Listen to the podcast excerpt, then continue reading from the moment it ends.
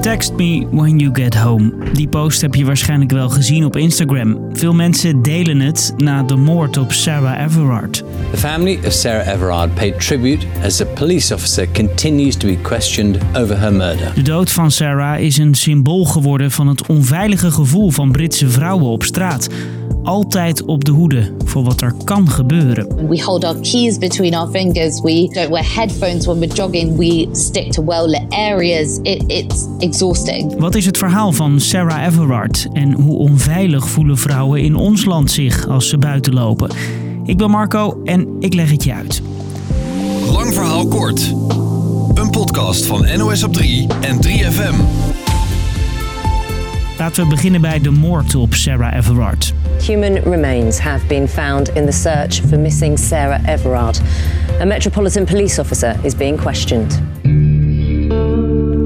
Sarah liep s'avonds alleen naar huis in Londen, maar kwam daar nooit aan. Ze verdween spoorloos.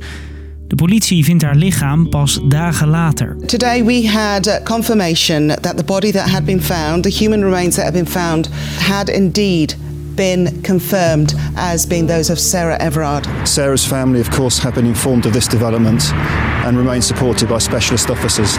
Een politieman van 48 is opgepakt, de verdachte in de zaak. Dat juist iemand die je veilig moet houden nu verdachte is, schokt Groot-Brittannië, vertelt correspondent Tim de Wit. Ja, ja, dat maakt dit verhaal ineens ook wel erg pijnlijk voor de Britse politie. Want het gaat inderdaad om een 48-jarige agent. Hij was niet aan het werk toen hij haar ontvoerd zou hebben en later ook vermoord. En deze woorden van de Britse politiebaas vallen niet goed. It is thankfully incredibly rare for a woman to be abducted from our streets. But I completely understand that despite that, women in London and the wider public will be worried and maybe feeling scared. Veel Britse vrouwen zien door de moord op Sarah een bevestiging van de onveiligheid op straat. De dood van Sarah zorgt dus voor een onveilig gevoel bij Britse vrouwen. Timelines vol berichten over de zaak en het gevoel dat die oproept. Veel vrouwen delen hun verhaal. It could all be Sarah. It's also really, really upsetting that things like this are still happening. We shouldn't be stopped from doing whatever we want to do. Sleutels in je hand houden, doen of je aan het bellen bent. Of altijd achterom kijken naar die gekke man die je lijkt te achtervolgen. Vrouwen herkennen dat ze altijd al maatregelen nemen om veilig over straat te gaan. We all have those daily experiences of monitoring our safety, of carrying our keys between our fingers, and yet we know that that's actually no barrier to preventing harm from happening to us. In Groot-Brittannië wordt volop gediscussieerd hoe vrouwen nu veiliger over straat kunnen. De Britse premier Johnson praat daarover met de politie. En die Text Me When You Get Home verschijnt dus ook hier in stories en tijdlijnen. Het bericht gaat viral, want ook Nederlandse vrouwen voelen zich al langer onveilig op straat. Fluiten, naar je toestappen, tegen je praten. Of een beetje ja, joelen, zeg maar. Als je dan geen hallo terug zegt, dan krijg je ook wel zeg maar, een beetje negatief commentaar daarover. Ja. Maar soms wordt het ook wel eens bedreigend. Hoer, waarom zeg je niks tegen me of zo? Dat soort dingen. Uit cijfers van het CBS bleek vorig jaar dat meer dan de helft van de jonge vrouwen zich wel eens onveilig voelt buiten.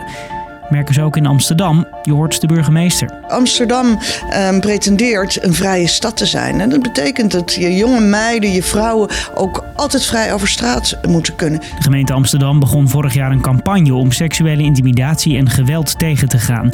En je kunt er ook al een paar jaar een boete voor krijgen. Ook in Rotterdam is straatintimidatie strafbaar, zegt deze rechter. En dat intimideren kan bijvoorbeeld zijn omdat je heel dicht bij iemand gaat, uh, gaat zitten. Maar ook handgebaren maken, kushandjes uh, gooien aan iemand zitten. En kijk, dat is nog tot daar aan toe. Maar als je, als je dat allemaal doet in samenhang met... hey, mooi meisje, ik wil seks met je... ja, dan is dat alles bij elkaar intimiderend.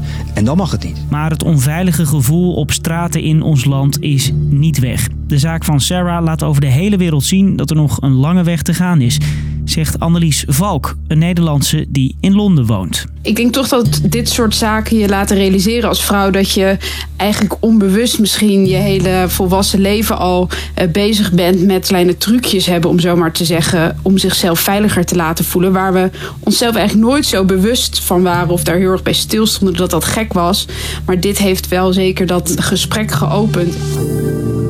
Dus, lang verhaal kort, de moord op de Britse Sarah Everard maakt veel los. Dat juist een politieman verdachte is, versterkt dat. Vrouwen spreken zich uit over de onveiligheid op straat als ze alleen s'avonds naar huis lopen. En de zaak in Groot-Brittannië is daar een pijnlijke bevestiging van. Ook in ons land voelen vrouwen zich al langer onveilig. Steden proberen het aan te pakken, met boetes bijvoorbeeld. Maar het gevoel van onveiligheid is er bij een grote meerderheid van de vrouwen. Dit was Lang Verhaal Kort voor vandaag. Geef onze podcast een waardering in je podcast-app. Dat vinden we leuk. Of laat een berichtje achter in onze mail lvk.nos.nl.